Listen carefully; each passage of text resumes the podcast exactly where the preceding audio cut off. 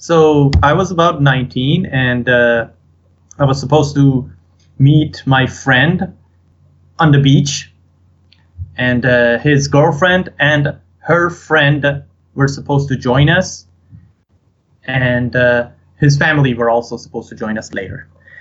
And it was during Ramadan, which I didn't know. I wasn't religious. And uh, so we went there, we met them, the two girls, and uh, then my friend and uh, his girlfriend go to the street to make a phone call. So I'm standing there with this girl. So there's this car coming around, and uh, they keep bothering the girl. They keep saying stuff to her. So the next time that the car comes around, I went forward and I said, "Hey, dude, get a life, get out of here." There were like four people in the car, so they leave. Ten minutes later, uh, a police car shows up and uh, says, "What are you guys doing here?" And I said, uh, "We're just waiting for friends." And he says, "What's your relationship?" There was this old guy with massive beard, and he says, "What's your relationship?" And I was like, "She's my cousin," because I thought, okay, I say she's my cousin, and they're gonna go away. And he says, "So?" She's not mahram to you. Mahram means basically it's okay the men and women that are okay according to Islam to be together privately, like husband and wife, brother and sister, that kind of thing. He says it's she it's not okay. because in Iran people marry their cousins. And I had nothing like after that. When he said it's not okay, I was like, okay, I yeah, I got nothing. and and uh, he said, get in the car. And I said, no, no, just wait, our family is coming. And he said, no, get in the car or I'll kick you in the car. And I was like, all right. So we went to the police station, and uh, it was late in the evening, and uh, my father shows up. My friend was supposed to fill him in before he got into the station. They didn't see each other. My father just walks in. The officer immediately says, uh, Are you his father? He says, Yes. He says, What's their relationship? And my father didn't know her. So he was like, I think it's her his girlfriend. and the guy was like, aha. and uh, my father tried to fix it, but he couldn't because uh, it was already gone. The case was already gone to the judge, sent to the judge, and uh, we stayed in uh, jail that night. The next day, uh, they took us to the court, and uh, the judge wrote uh, 80 lashes for her and me. And my father then asked a soldier who was basically in charge of us outside, he said, What kind of a judge is he? And the soldier said, He's a good judge, rubbing his uh, fingers together like the international money sign. So my father went in and said, Hey, judge, these are young kids. They made a mistake or whatever and if you just take it easy on them, we're going to come by afterwards and thank you and whatever. And the judge, this is a judge, says, uh, Why later? Why with family? He pulls out his drawer. my father puts in 30,000 and the judge uh, basically writes 50 lashes instead of 80. and uh, yeah and uh, we were lashed that afternoon, and uh, yeah, but uh, it was fun. Fun. It was funny because it was funny. Be- no, no, no. The the thing that uh, stuck with me was we went to the place that they're supposed to execute the verdict or whatever, and the guy in charge. There was a woman in charge of the girl, and she was really pissed off because she had some stuff to do, and because this girl was in her custody. She had missed some appointment or whatever. So she was really pissed. And she told the guy in charge that I should lash her myself. I want to lash her myself. She made me lose my appointment and all that stuff. And the guy in charge said, uh, We don't lash, we don't do this out of our pleasure. This is our job. You're angry, so you better not lash. He didn't allow her to lash her. He gave it to another woman. And that stuck with me because this guy was in charge of this horrible act, but he was he basically respected his job and his duty. It was just something that he had to do and he was doing it by the book. And that really stuck with me for some reason. Because I thought, okay, this is not a bad guy. He's just following the rule that he thinks is fair. You can maybe enlighten him later on. But yeah, that's how we got lashed when I was 19. And it didn't affect my relationship with women at all.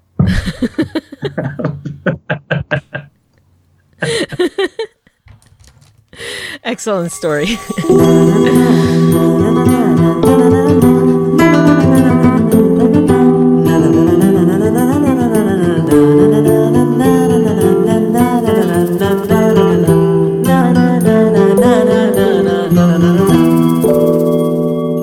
Enriched Uranium Iran Through the Ages. A podcast by Dr. Tamar Gindi.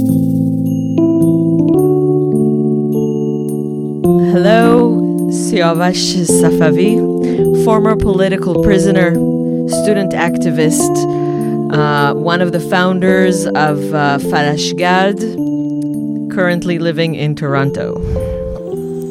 Hi. Was I? Did I miss anything? Yeah, uh, the yeah agent of Mossad, agent of the Saudis, and uh, mercenary 1514, and one of the 30 traitors to the Islamic Republic. There are only thirty traders? Yeah. I thought there were more. Well, that year it was it was a tough year. It was a tough year. No, we were the top 30. Like it was yeah, voting involved. It was like American Idol. People were calling.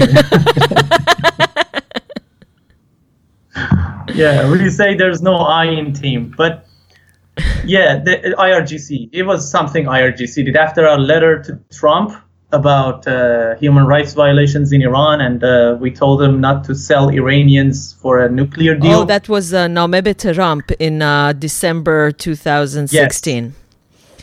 Yeah. yes. And because of that, we were announced as uh, the 30 traitors. The 30 traders. Um, I will tell. Uh, pictures of the Yeah, I will tell my listeners about uh, Naumebe Trump. Uh, it was a letter by uh, 30 Iranian dissidents who basically told Trump um, to strengthen the sanctions, maybe, uh, on the Islamic Republic. exact same thing But- told Obama four years before that. Yeah, but uh, it was published in uh, w- when it reached the the Iranian um, the Iranian media. It was already to um, make the sanctions harder on the Iranian people instead of the Yeah, Islamic and, no, no, Republic. and and uh, promoting war and everything. Even though we wrote there explicitly, we believe war is a huge mistake. Nobody benefits from war, and in order to avoid war, you have to sanction IRGC leaders and the Islamic Republic individual authorities. yeah, That was the wording of it. yeah. IRGC But- is uh, Islamic Republic. Islamic Republic. No, no, no. Islamic Revolutionary Guard Corps. Corps. yeah, uh, in Hebrew, It doesn't Mishmaot have HaMapecha. In it. Yeah.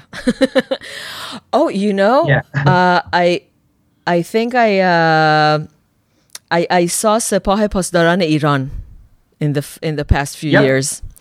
Instead of Sepah Pasdaran Jumhuri Islami, I, I saw Sepah Pasdaran Iran. They're they're trying to to integrate. Yeah, but uh, a uh, recently a uh, one of the leaders of uh, Revolutionary Guard actually corrected it and said no, there is no Iran in the name of the Revolutionary Guard. There was a reason for this guard to be created, and that was protecting the revolution against domestic and foreign enemies.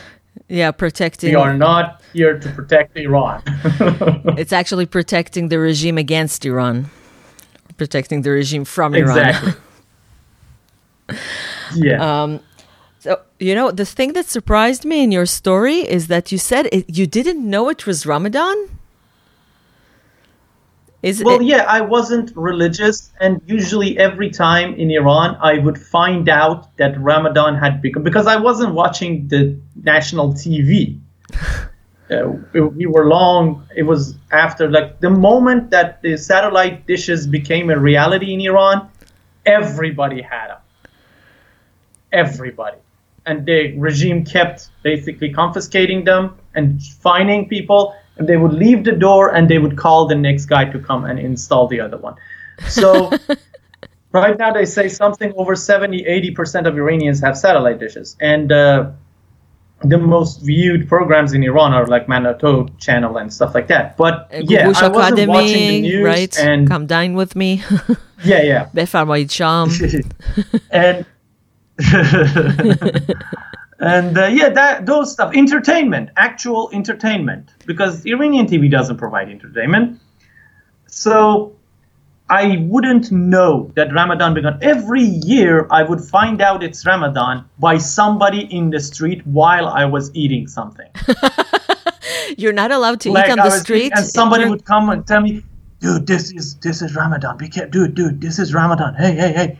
And I was like, "Oh, shoot," because if they catch you, you get lashed. So every If they year catch you I eating on the street? it's Ramadan. Yeah, Oh wow. So yeah. they don't talk about these stuff when they're talking about how Iran is cool and misunderstood, do they? no. So uh, please, you said one of the things you wanted to talk about uh, was uh, your version of living in Iran. So let's talk about it. uh, I would say the closest, approximately closest version that has ever been presented to the Western audience would be Persepolis, the movie, the animation. That is the experience of every single Iranian, not every single, I, I'm sorry, the upper class lives great everywhere. Okay? Whether you're Yeah. in India, you're in Iran, you're in Saudi Arabia, you're in Brunei, in China, no matter where. I'm sure in Cambodia during Khmer Rouge, the upper class were having fun. so the upper class is out of the discussion. It's the middle class and the lower, the largest portion of society, which I was a part of. And life is hell for a young person growing up in Iran, living in Iran. I can't even like I was very involved with women's issues and stuff. My mother was a very strong advocate. She had a whole charity and taking care of like uh, women um, abused and whatever wo- women like that and like uh, so I was very involved with that, and I still can't imagine being a woman in Iran. But when the constitution explicitly discriminates against you, Oh, we just Like, talked about are the half- Constitution in the last episode. yeah. what does Yeah. what does the Constitution, say? Constitution of the Islamic Republic is based on Sharia law. Okay, its core is fundamentals of Sharia law. So, according to the Constitution, women are uh, women need guardians. Okay, Wasn't So it? And if it, they a- didn't need guardians before the Islamic Revolution. No. one of the main one of the sparks of the Islamic Revolution actually Khomeini Ayatollah Khomeini which I know I know you guys are a big huge fan of uh, he- he Actually, was as as a Persian first as a Persian teacher and linguist, I love Khomeini because he used such beautiful uh, conditional clauses that I give to my students. I always say he worked for me. they all work for me. oh this is the first time somebody said something nice about him I'm sure but uh, uh, the first spark of the Islamic Revolution was in uh, 1341 which would be uh, 62. around 50 62. Yes, 1962. 60 no, no, no, yeah, 62, yeah. And the reason for it was the fact that Shah, Muhammad Reza Shah, gave the right to vote to women. Was it? Passed the law that women had the right to vote. they still Okay, do. it was called, called the White Revolution. He broke down the feudalist feudal system and gave land to the uh, basically the peasants and uh, gave women right to vote. And Khomeini's first speech ever recorded is against the right of women to vote. so this is for all those people who say, yeah, the revolution had good intentions, but it was misdirected, man. Like the Muslims took out. No, bro. That was the spark of the revolution. Why did you give women right to vote? so you can see where it can go from there. Like the possibilities are not endless. They're very limited when you start there. So the, eh, the, according to the Constitution, women need a guardian, a husband or father, or even a brother if the father. is- So, for example, you as a woman, if you want to travel abroad, if you want to, I don't know, do anything, if I want to work, if I want to study, if I want to issue a passport, anything, anything. even if I'm the captain of the women's foot- football team and I want to represent my country. even if you are a 50 year old divorced woman, you need your mo- father's permission to travel, for example, abroad. Can you Yeah, I, I, fathom? I, I have a I have a friend who's a 50 year old widow, but he- her father is not alive. So she she went to issue a passport, and they said, "We need your husband's signature," and she said, "He's been dead for 30 years, so we need your father's signature. He's also dead."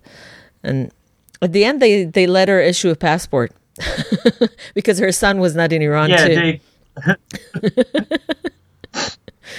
God bless them.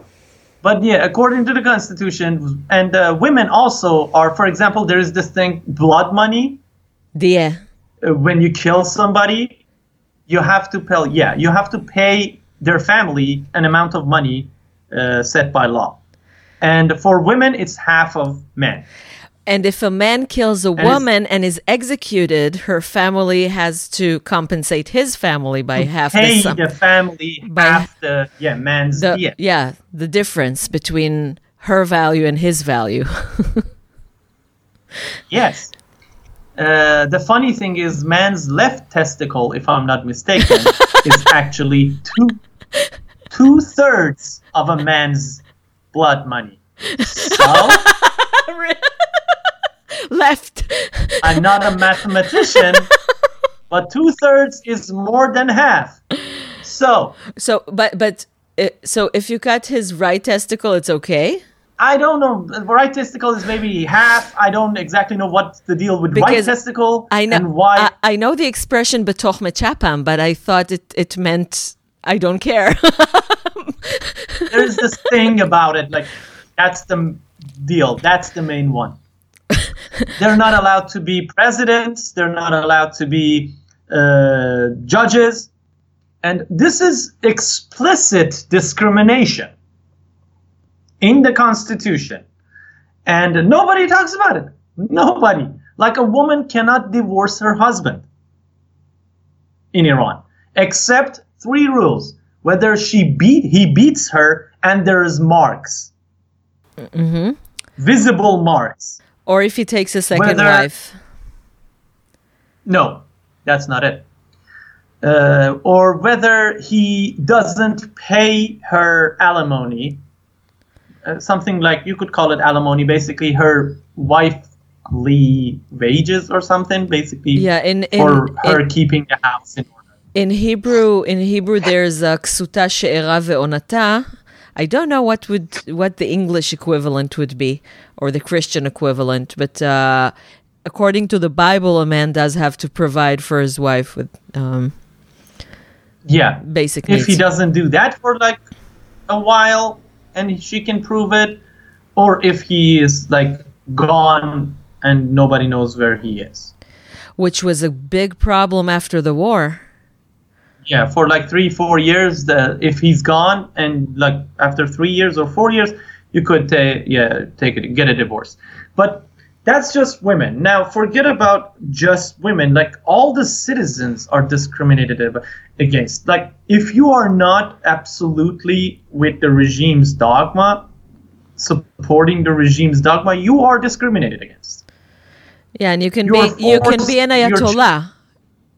You can be an ayatollah but disagree with the with the regime and and be in jail. That's that's what I always say when I'm talking to my friends about this. I say, okay, imagine the Nazi Germany right before the concentration camps started to go up. Literally, that's Iran. Okay?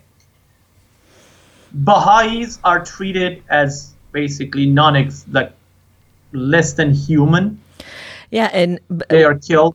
during the nuclear talks, uh, Ali Akbar Velayati, who was uh, the advisor for the leader for uh, on foreign relations, Yeah. said we don't we, we don't want to be flexible on one thing because next thing they will ask us to give rights to the Baha'is.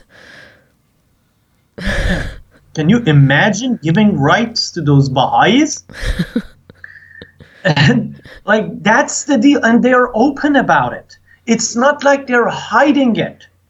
Just watch every channel.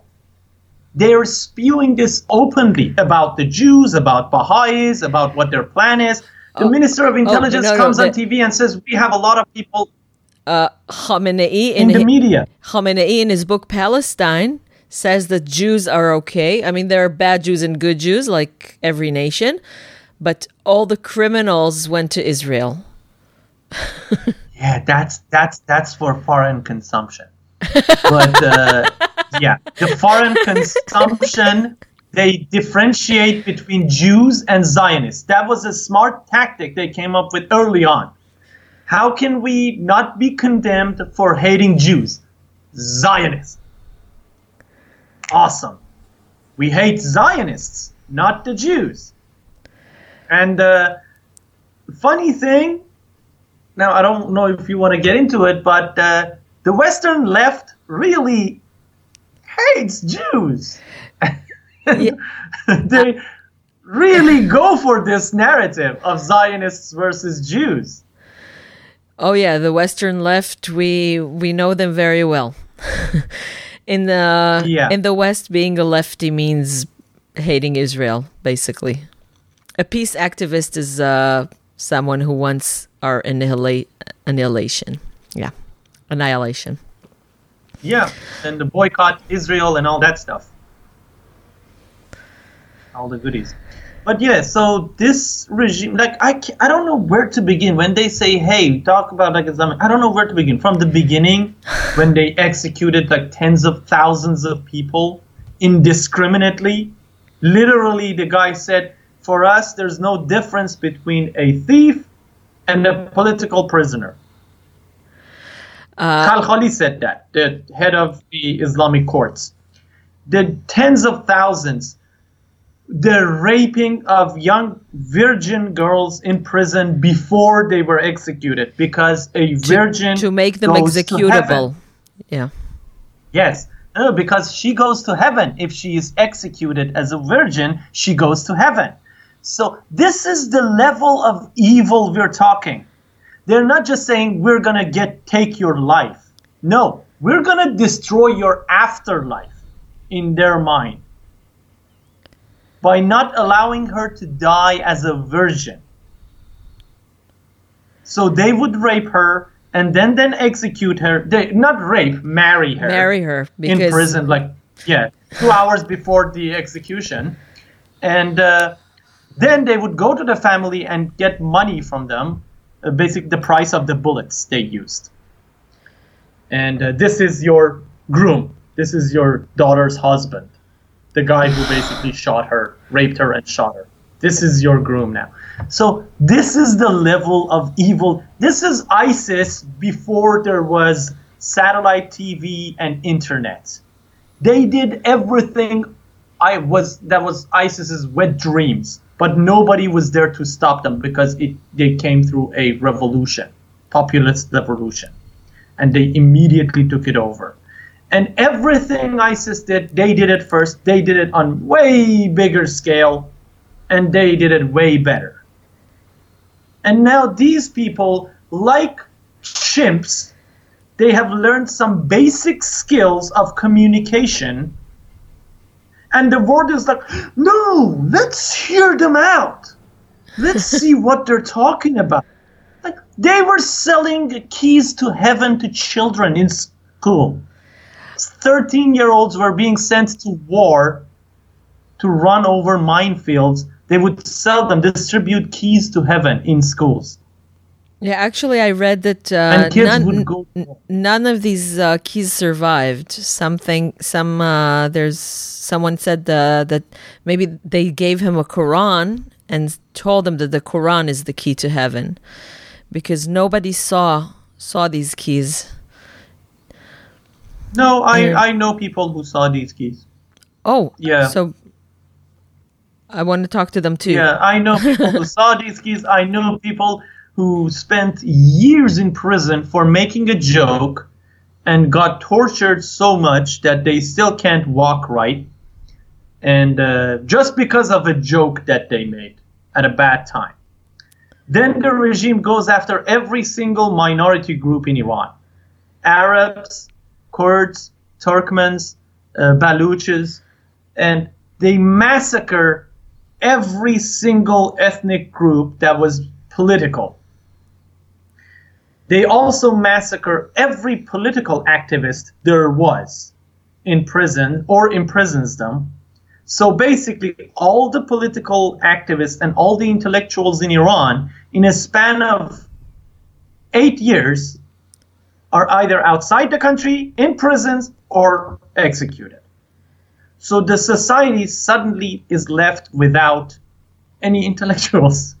A country without any intellectuals left And there was no internet, so those who escaped couldn't communicate back to the country.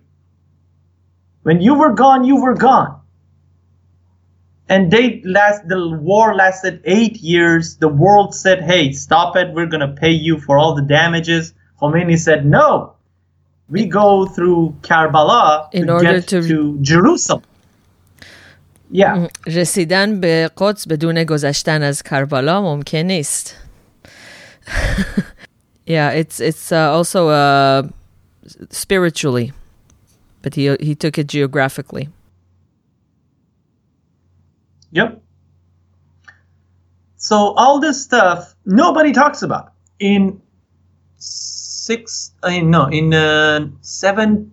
No, not eighty-eight. Yeah, I'd say it would be eighty-eight.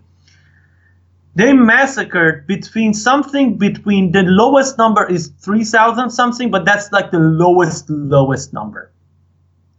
Between three thousand something to ten thousand people in prison without trial. The war was ending. They had all these political prisoners still in prison, and they were afraid. They needed to get rid of them. Khomeini writes a letter, deal with them. And they go into these prisons, and for a couple of months, there just there was this death board, and they were just massacring prisoners. And again, nobody talks about it.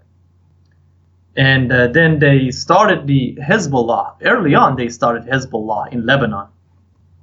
And uh, Khomeini was basically in charge of it directly through Muhtashamipur, I think, at first. And then Khamenei, when Khamenei takes over, he says, no, no, no, I'm going to deal with them directly without any mediator. So then it was Hezbollah. The whole idea of Khamenei was Ummul Ghura. That was his thesis. Iran becoming, basically Tehran becoming the, what Moscow was for the Soviet Union. He had mm-hmm. an idea of an empire, a Shiite empire. He, they have, like, there's stuff that they've written about it. That uh, Iran would become the, the Shiite crescent, the idea of Yeah. Shiite crescent. I don't know if you've heard of it. Yeah. Yeah, That was the whole thing. That the- the Shiite empire would envelop and devour the biggest Sunni threat and Israel in the region. yeah, exporting the revolution. Exporting the revolution. Their first Khomeini's first uh, announcement. We're going to export revolution, and they started with Iraq. They always say, "Yeah, Iraq attacked us. UN said so." Yeah, but what they don't say is that Khomeini and his guys were sending money to Iraqi resistance, basically. Shiite resistance, Shiite groups in Iraq. And they were trying to start a revolution thing over there. And Saddam told them several times to stop it. There's video of Saddam screaming. He says, I've told them let's talk several times. I keep asking them for negotiations. I, and I they say this, no. Do you have a link to this video? I can I, we can find it. Yeah. I, I, I think you could find it on YouTube. Yeah. Because and because what what we know is that it was about oil. Was basically they were starting problems and uh, Saddam started to feel it. And uh, basically, Americans told them, "Hey, if you want to go there, we don't have a problem with it." And uh, he was a crazy person, also. That's not like saying Saddam wasn't a crazy MF. He was. he is a batshit genocidal evil man. But, but he was provoked to attack Iran. And we all know what happened after he was gone. Yes. yeah, uh, you you won't hear anything about Bush's incompetence from me. He was a very incompetent president, and he did stupid stuff and uh, damaged American reputation for decades to come. Oh, I think Trump is doing a better job at damaging American reputation. uh, I would argue with you strongly on that. Yeah, the damage that Obama did to the world, Trump is fixing. I'm sorry. That is a fact. Uh, but but let's talk about Iran. Let's talk about Iran. Yeah, let's talk. Uh, your beef, your beef with lefties on Iran. Why they want to get it wrong, and why some fail to see the reality of the Islamic Republic. We talked about what their failure to see it, but why do they get it wrong? Why is very simple because the Islamic Republic has messages that they love. If you talk to a lefty in Iran, they will bring up the universal health care in Iran.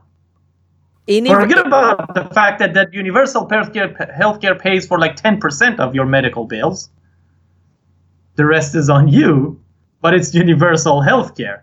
They will bring this up. You show them video of girls being beat up in the streets and dragged by their hair to the police car, but they will say, but yeah, but they have universal health. Really? that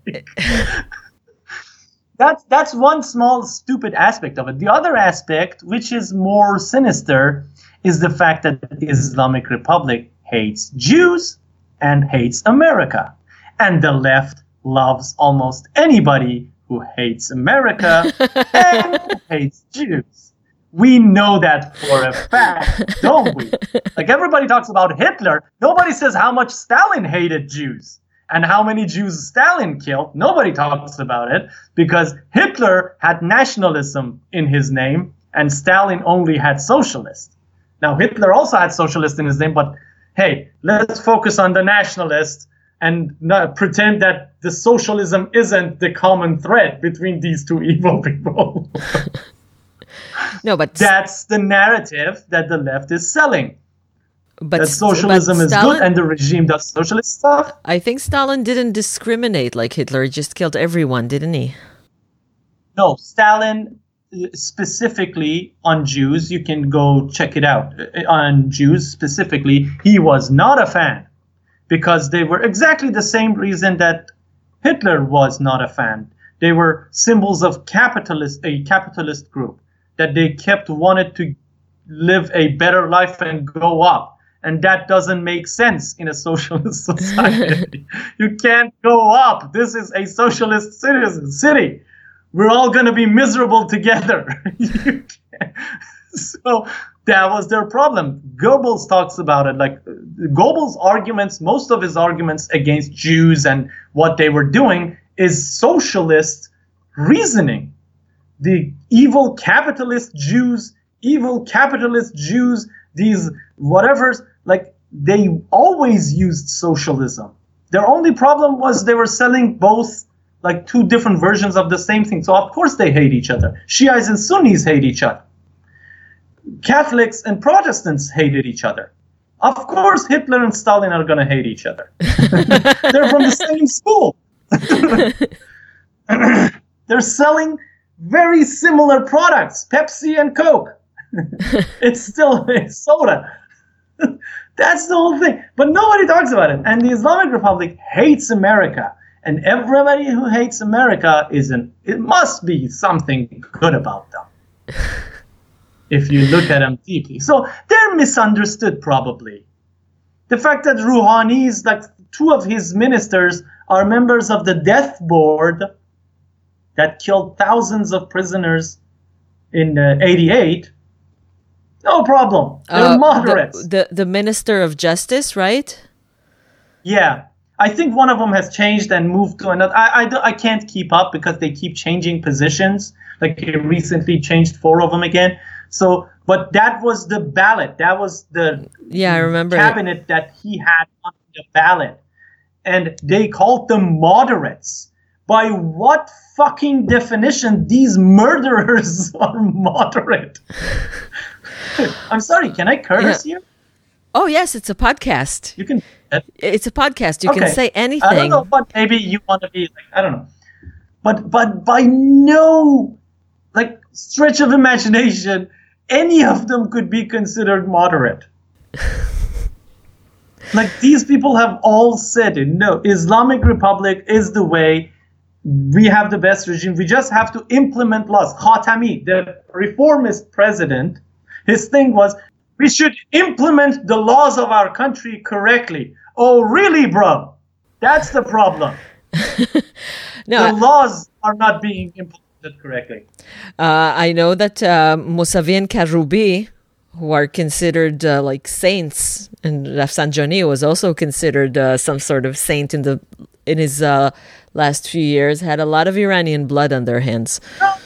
No, no, no, no. Yeah, they weren't considered saints. They were only presented as saints by the reformists. I'm doing air quotes every time I say reformist because just like l- when they yeah, say liberal to the leftists, they call them liberals. This is an insult to the word you're doing now, a lot of air quotes. Leftist, but, but yeah. yeah. Like uh, it's the bastardization of the word reformist. Reforming what? You say you believe in the Constitution. The Constitution is evil. It has somebody above the law and it discriminates against half of the population and anybody who's not a Shiite.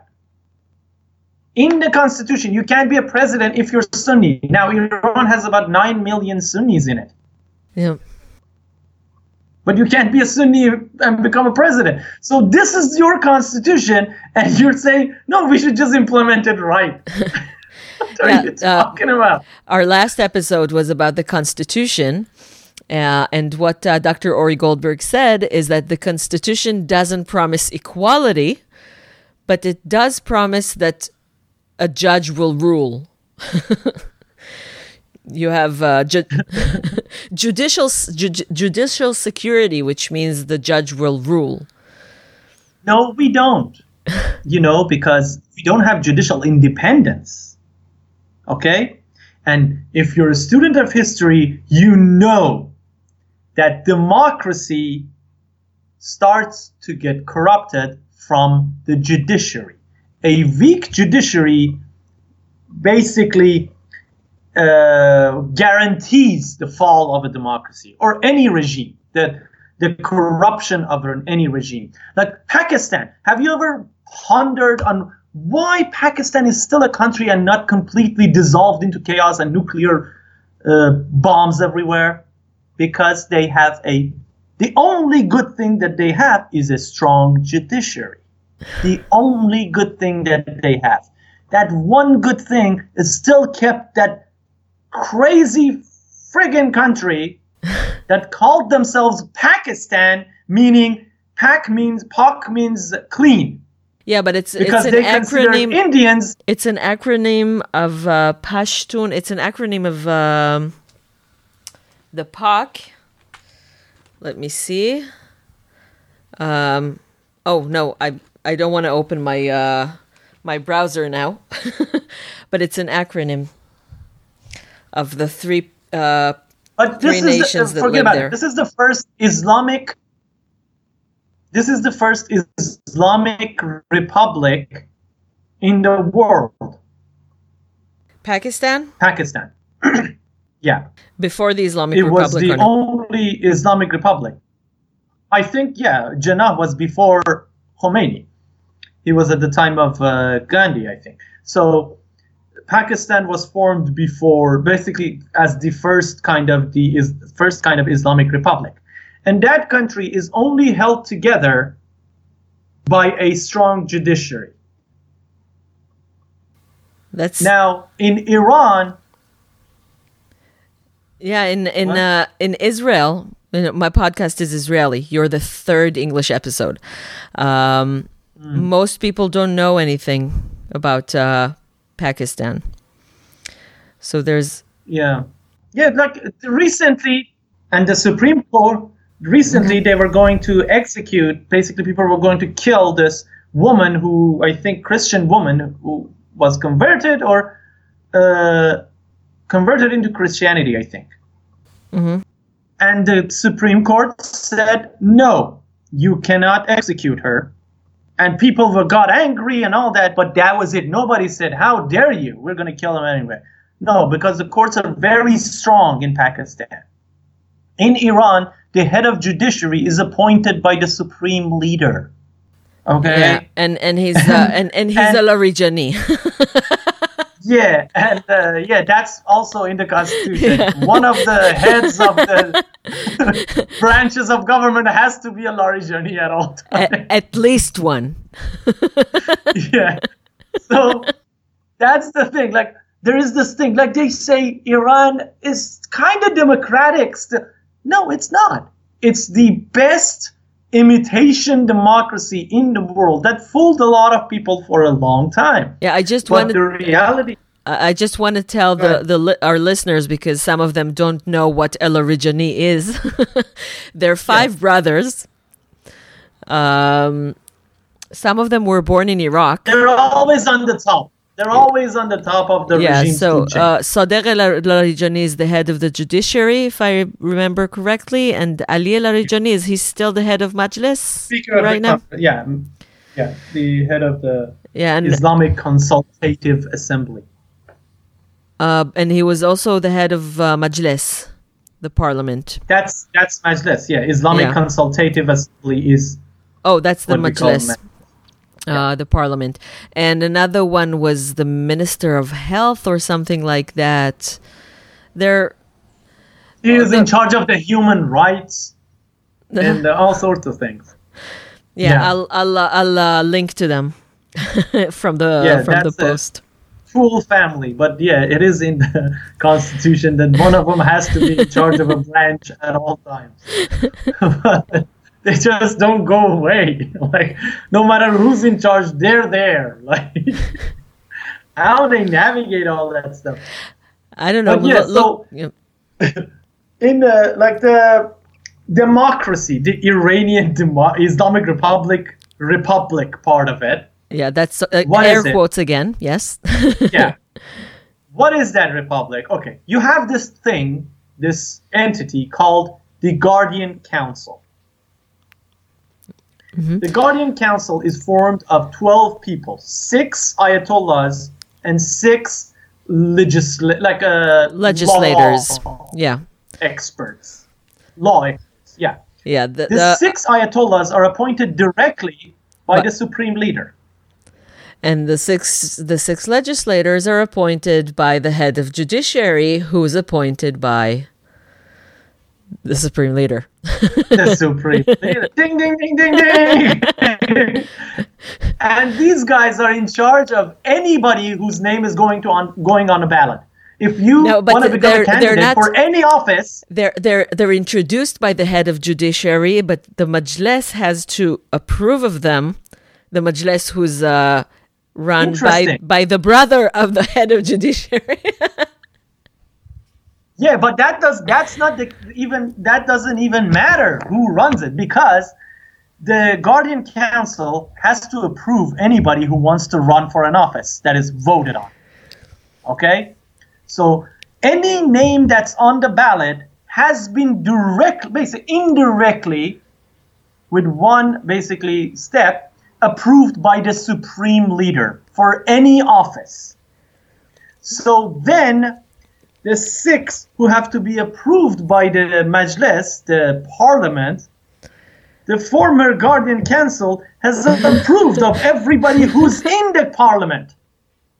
So everybody in the regime is just appointed by the supreme leader indirectly. People just basically vote. This is a game of musical chair. That's my best analogy. It's a game of it's musical it's chair. not even musical chairs chairs because it's, it's the same people in all these committees and and and bodies and, Oh no no no! They change positions. They change positions. Who gets more of people's money and oil and everything? no. But for example, People vote. Jannati Jannati is like everywhere, right? Well, yeah. Well, he's been there since like Moses, I think. So he's he has Oh seniority yeah, I'm, over I'm, I'm putting in the in the post. I'm I'm putting some pictures of Jannati with Moses. yeah. Uh, we had similar jokes about Shimon Peres, but uh, Yeah, no, Jannati is uh, on another level. He's 92 and he was just appointed as the head of another commission. It's like, really? but that's the sadness of this dictators, these kinds of dictatorships. You don't have anybody else because you can't trust anybody else. Uh, except the Minister of Communications is young. He was born. uh, The, he's the only minister who was born after the revolution. Um, Azari Yeah. Jahromi. Uh, but we, uh, one thing we Yeah. we didn't say about the That's- Guardian I'm so happy about that. One, one thing we didn't say about the Guardian Council is that besides approving everyone who wants to run for office, um, which basically means if They also have to, yeah. Uh, in the last president's uh, presidency elections, there were 1,636 people uh, who wanted to run, and they just filtered the eight that, They were disqualified, yeah. yeah. Um, Uh, and also, they have to approve the anything that the the, the Majlis uh, says. Majlis or the Parliament approves. Any law that Parliament passes, the Guardian Council has to approve it. So nothing is done in that country without the approval of the supreme leader. So what is this you're talking to me about reformists and moderates and shit again? really? Yeah, what what Why do what I say in my lectures, okay, uh, is that we have to keep in mind that the people who said "Where's my vote?" said I wanted some someone else to be the head uh, of the executive branch of the Islamic Republic. But there was a reason for that. No, no, no, no. There was a reason for that.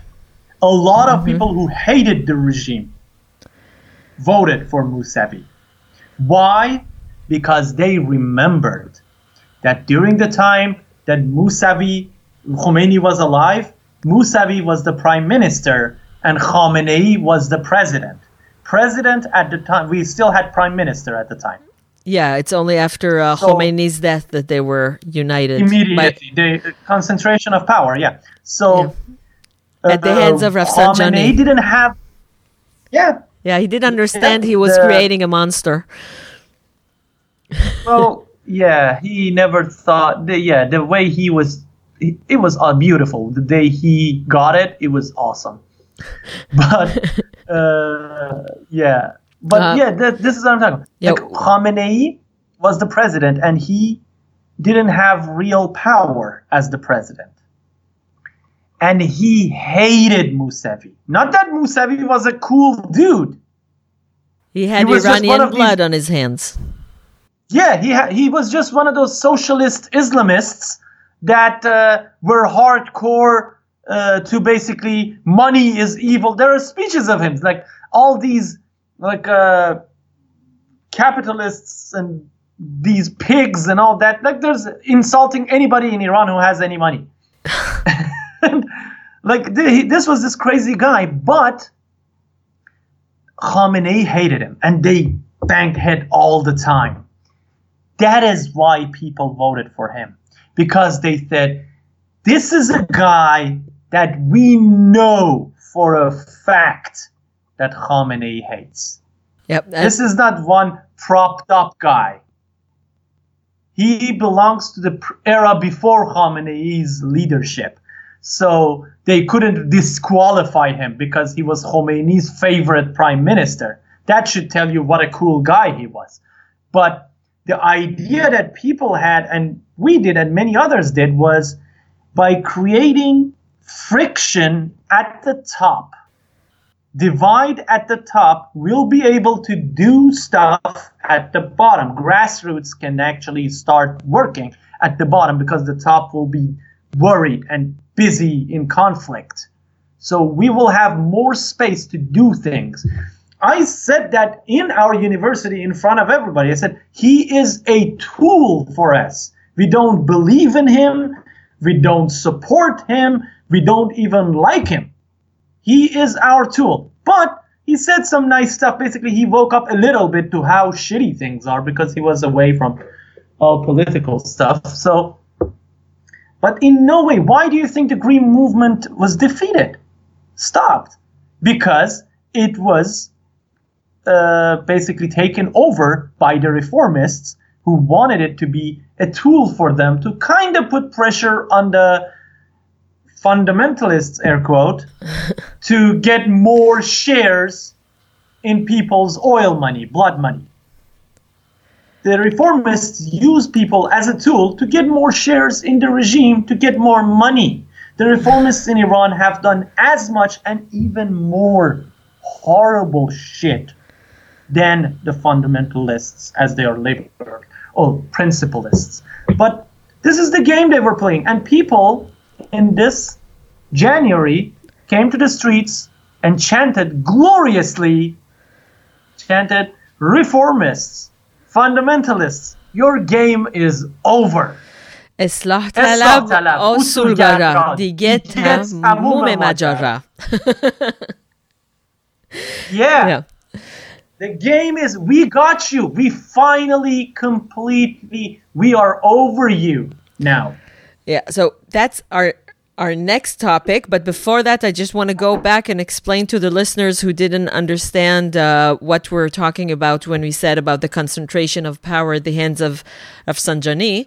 Before Rafsanjani, there were prime minister and president, uh, and he thought he could concentrate the, all the power in his hand and appoint uh, the spineless Khamenei to be the supreme leader, and by that, actually making the supreme leader post uh, empty. He made the same But he mistake, created a monster. mistake, yeah. He made the same strategic mistake that uh, the Egyptians did after Jamal Abdel Nasser. They thought uh, Anwar Sadat is the weakest, the head of military, I think, and the foreign minister or somebody else. I don't remember who the two powerhouses were, but Anwar Sadat, uh, uh, Jamal's uh, uh, basically vice president, was considered a weak man, like Khrushchev. Like nobody thought of him as the leader. So they thought, okay, we're gonna agree on him, and then we'll basically deal with things. Or control But him. you don't understand that when you give all the levers of power to one person, he will become God. He will not share power with you. you know, you know, you know. We like anybody. in Israel. We hate Gamal Abdel Nasser and we love Sadat. Yes, I know, and I love him too, and I hate Jamal Ab. Well, I don't hate him as much as I hate like many other figures, because I think he was a product of his time, and uh, he had to happen for Egypt to move forward from that, and for Sadat to happen, and basically Arabs to grow up a little bit. But uh, and yeah, and get their asses kicked hard, which is one of my favorite all-time wars. Like I've read about this war in details, and I love it. But uh, so yeah, it, he had to happen for Sadat to happen, I think.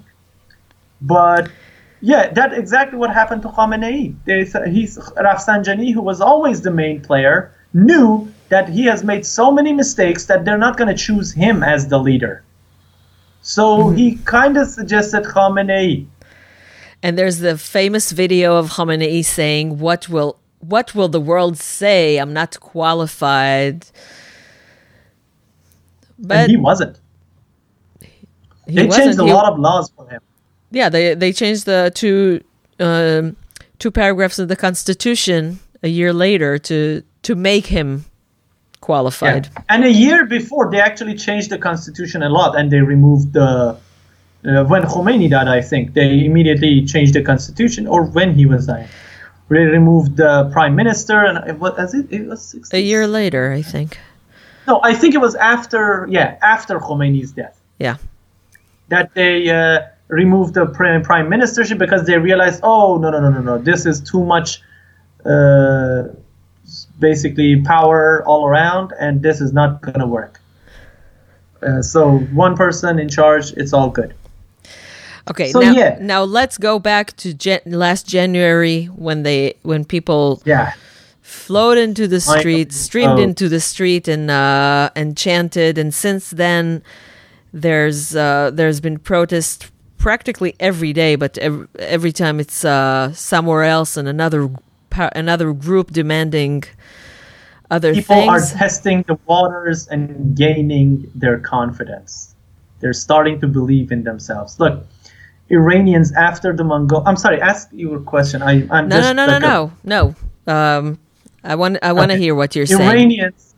There's famous like uh, after the Mongolians attacked Iran. There are three main massive attacks on Iran that really stuck to Iranian psyche. One was the Arabs in the seventh century of the Common Era. Yeah.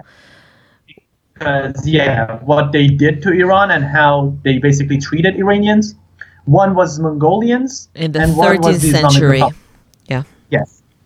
And what Mongolians did was basically there are stories afterwards that well Mongolians were like shamanic. They still believed in shamans and stuff. Like they were tribal still.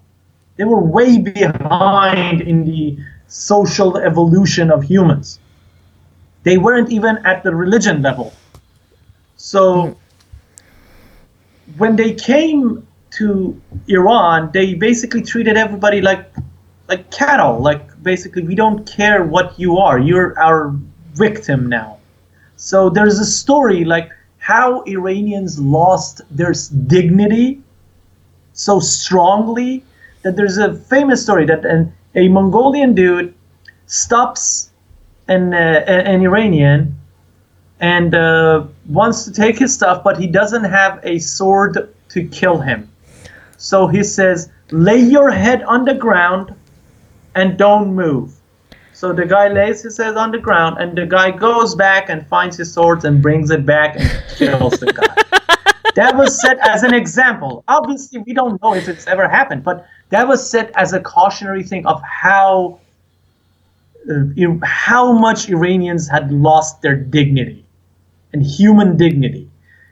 And the regime, after the revolution, the first 10 years, the regime did exactly that to them. The first two years, they told women either scarves or a smack. In the streets, they, they their mobs ran around in the street scarves or smack. Yaru sari ya tu sari. Either yeah. wear scarves or get smacked in the head. Their and then it became the law. Mobs would roam the streets and then they turned it into a law. Fun fact President Rouhani, the moderate guy that's now in charge and everything's going to be awesome, and Europe is bending over backwards to blow him. that was the guy who proudly forced it into government offices and military.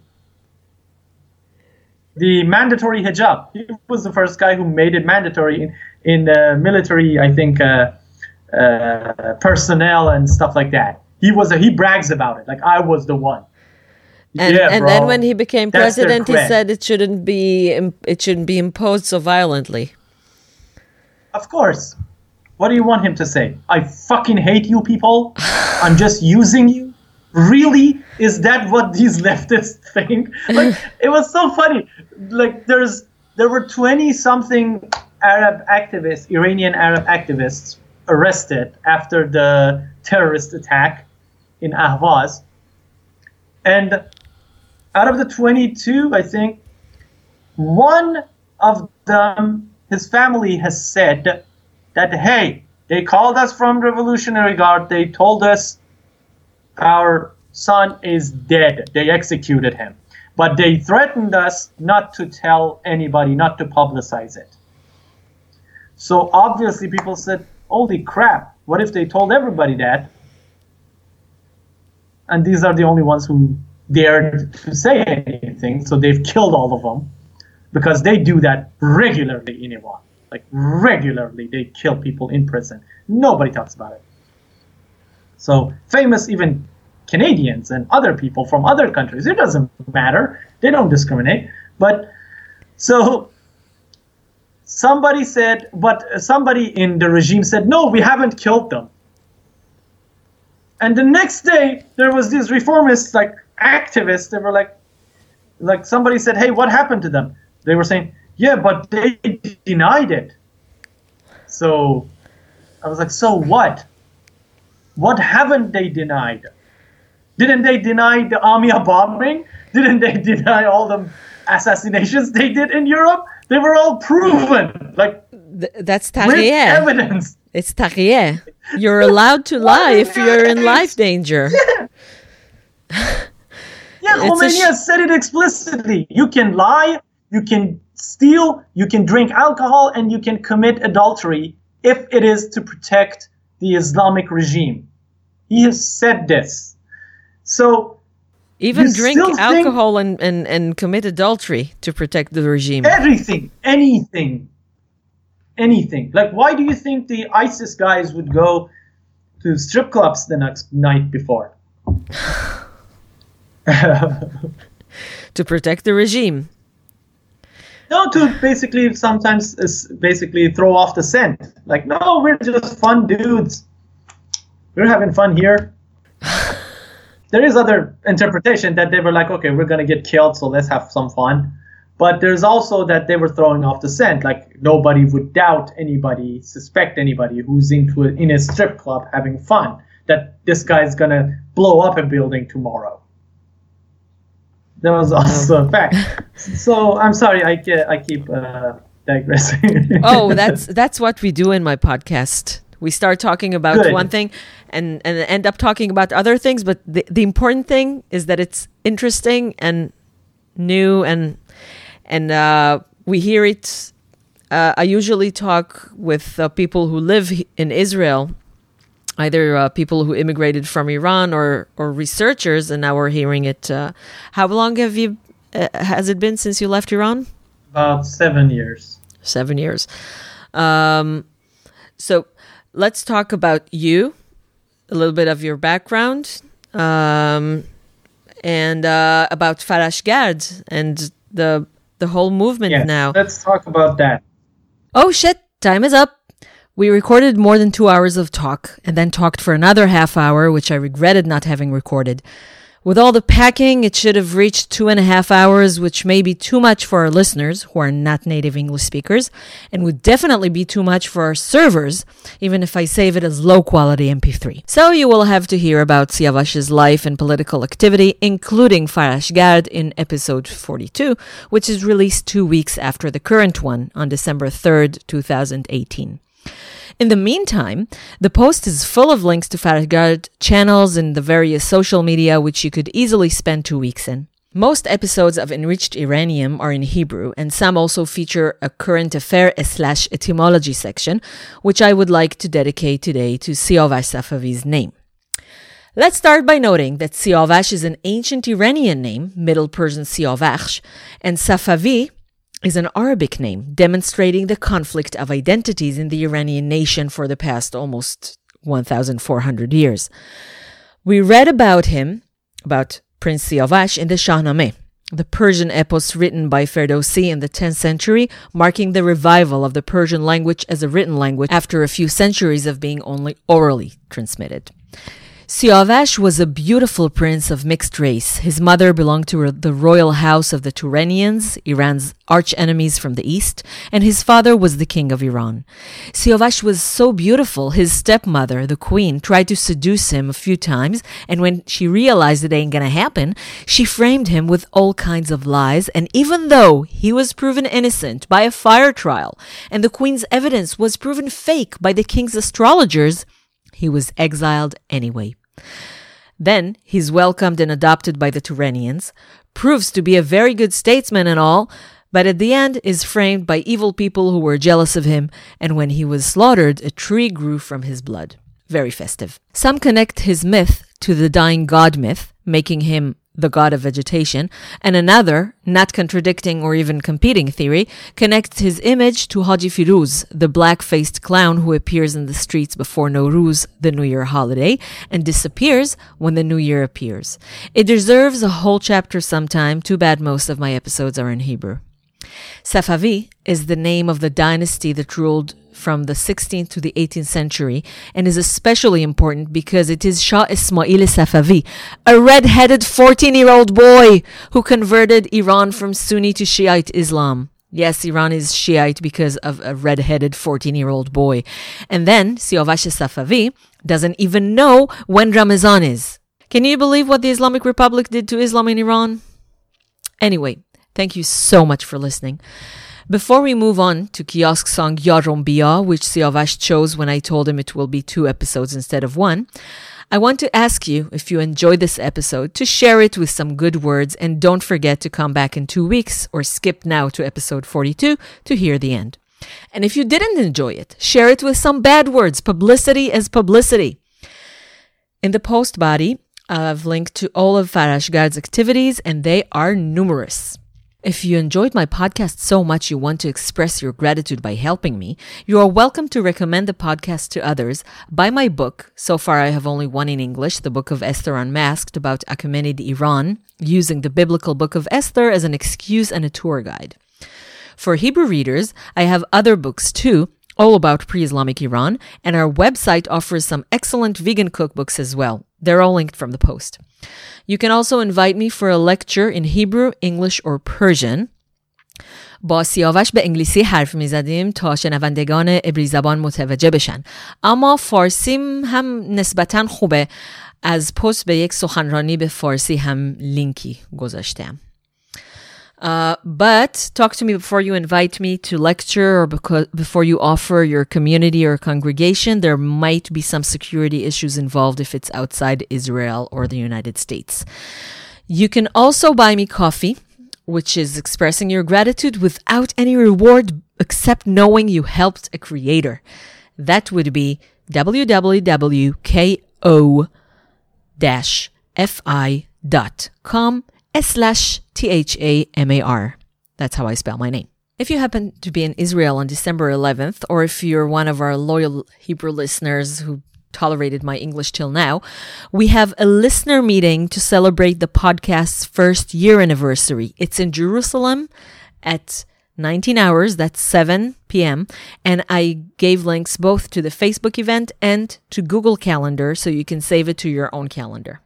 There will be a lot of Cocoa Forest chocolate and a talk with listeners hosted by Ido Kainan. All in Hebrew, sorry.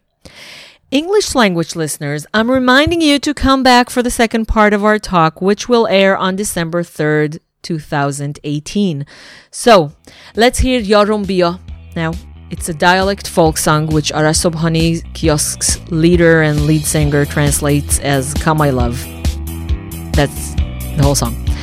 So thanks again for ordering books and lectures and buying me coffee. It's yummy and heartwarming.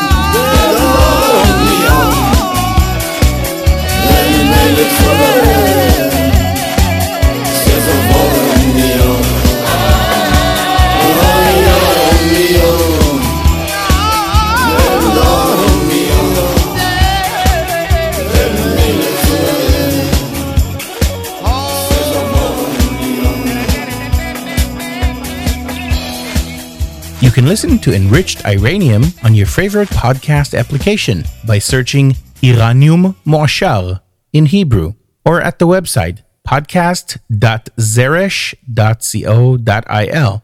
That's podcast.zeresh.co.il. And the feed's link is podcast.zeresh.co.il slash feed. You can contact us anytime at iranium at zeresh.co.il.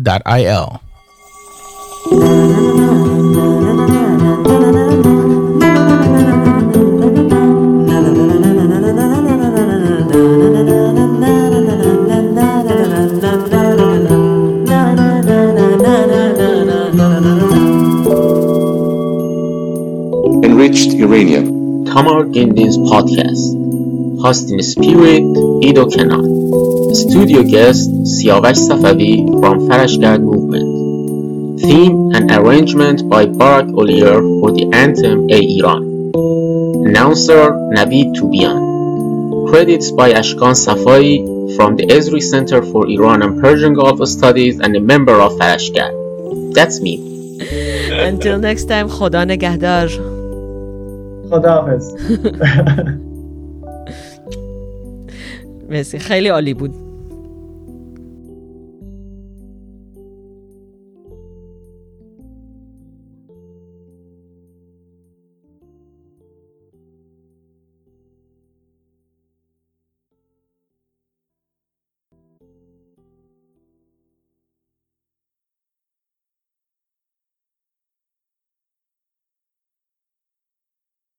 And welcome to our favorite part of the show for the most loyal listeners and those who listen while driving and can't change stations, our next chapters. And remember, a plan is nothing but basis for changes. That's how the IDF works. It will be mostly in Hebrew because most episodes are in Hebrew, but don't forget to tune in to episode 42 on December 3rd, 2018 for the rest of the talk with Siavash Safavi. We will also have another English episode on January 21st. Hopefully, it's a basis for change, you know, with uh, the Pahlevani artist. Pahlevani is uh, Persian yoga. Um, with the Pahlevani artist Hashi Azad from Sweden and Australia. Stay tuned. Now, excuse my Hebrew. פרק 41, הפרק הבא, הוא פרק משותף עם דברי הימים של דוקטור אילן אבקסיס במסגרת הסדרה המשותפת על המלכים האחימנים. הפעם אנחנו מדברים על ארתחשסתא, לליאורה לא היה מה לתרום למרבה הצער וגם לא היה לה זמן, אז היא לא השתתפה. ומכיוון שאין הרבה מה לומר על ארתחשסתא הראשון, דיברנו על ארתחשסתא הראשון, השני, השלישי. ציר הזמן של ספרי עזרא ונחמיה, ועוד כל מיני דברים שקשורים להיסטוריה ובכלל. זה לא פרק ארוך גם. בפרק 42 נסיים כאמור את השיחה באנגלית עם סיואבש ספאבי, בתקווה שעד אז כבר יתחלף המשטר וזה לא יהיה רלוונטי. מותר לחלום, נכון? אם, אם יתחלף המשטר, אני אשמח, כי אני אקבל מינוי של אה, נספח התרבות באיראן החופשית. ואם לא יתחלף המשטר, אני אשמח, כי הפרק יהיה רלוונטי. פרק 43 יהיה שיחה עם מתן פינקס משגרירות איראן בישראל. זה יהיה גם מעין קרוס אובר, כי הפרק גם יוקלט בווידאו וישודר, יעלה אצלם. בפרק 44 נשוחח עם צוות ההצגה מוג'הדין חלק, שראיתי ואהבתי מאוד, רק לא הבנתי את הקשר לשם. בפרק 45 נכיר את בן ציון יהושע, מחבר הספר סימור, וכל כך הרבה דברים מגניבים נוספים שקשה לי להחליט מה קודם. מן הסתם זה יהיה אחד מהרבה פרקים. פרק 46, ב-31 בדצמבר, הוא פרק השנה שלנו. נשדר בו את מפגש המאזינים שיתקיים מתי? ב-11 בדצמבר, יום שלישי, בת... בשעה 7 בערב. איפה? ביער הקקאו בירושלים. שריינתם כבר? יש לינקים לשמירה בגוגל קלנדר ולאירוע בפייסבוק. עידו קינן מנחה, אתם מכוונים את הדיון. בפרק 47, ב-7 בינואר, בא לי לדבר על דברים שקראתי עם תלמידיי בקורס קריאת טקסטים היסטוריים בפרסית במרכז האקדמי שלם. אולי אחד התלמידים או שניהם גם ירצו להצטרף להקלטה, אבל לא מכריחים אף אחד. בפרק 48 יהיה לנו קרוס אובר עם קטע כלכלי, הפודקאסט החדש של דוקטור אושי שוהם קראוס מבית קטעים בהיסטוריה של יובל מלכי. בפרק 49 נדבר באנגלית שוב עם אומן הלחימה האיראני-שוודי-אוסטרלי חשי עזד. אני מאוד מאוד מקווה, כבר חוששת להבטיח. פרק 50 הוא שוב פרק עגול וחגיגי, אפילו יותר עגול וחגיגי מ-40.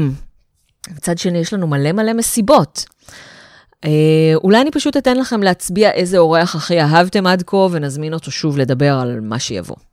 פרק 51, אה, ב-4 בפברואר, יהיה כמובן קרוס אובר עם דברי הימים, הסכת על המקרא והמזרח הקדום של אילן אבקסיס. ואולי הפעם ליאורה כן תצטרף אלינו. אנחנו נדבר בעיקר על דריווש השלישי ועל אלכסנדר מוקדון.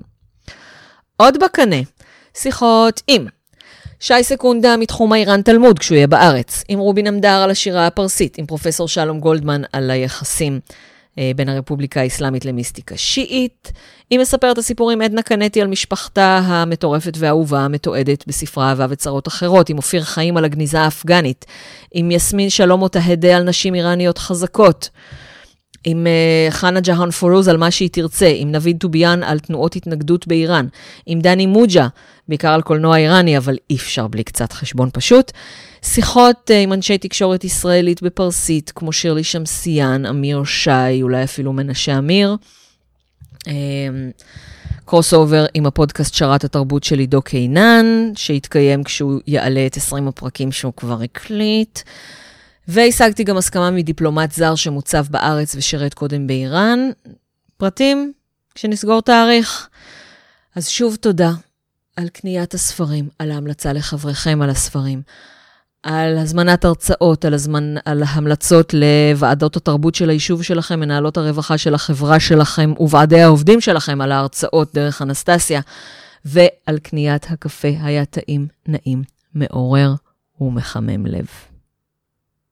אל תשכחו 11 בדצמבר.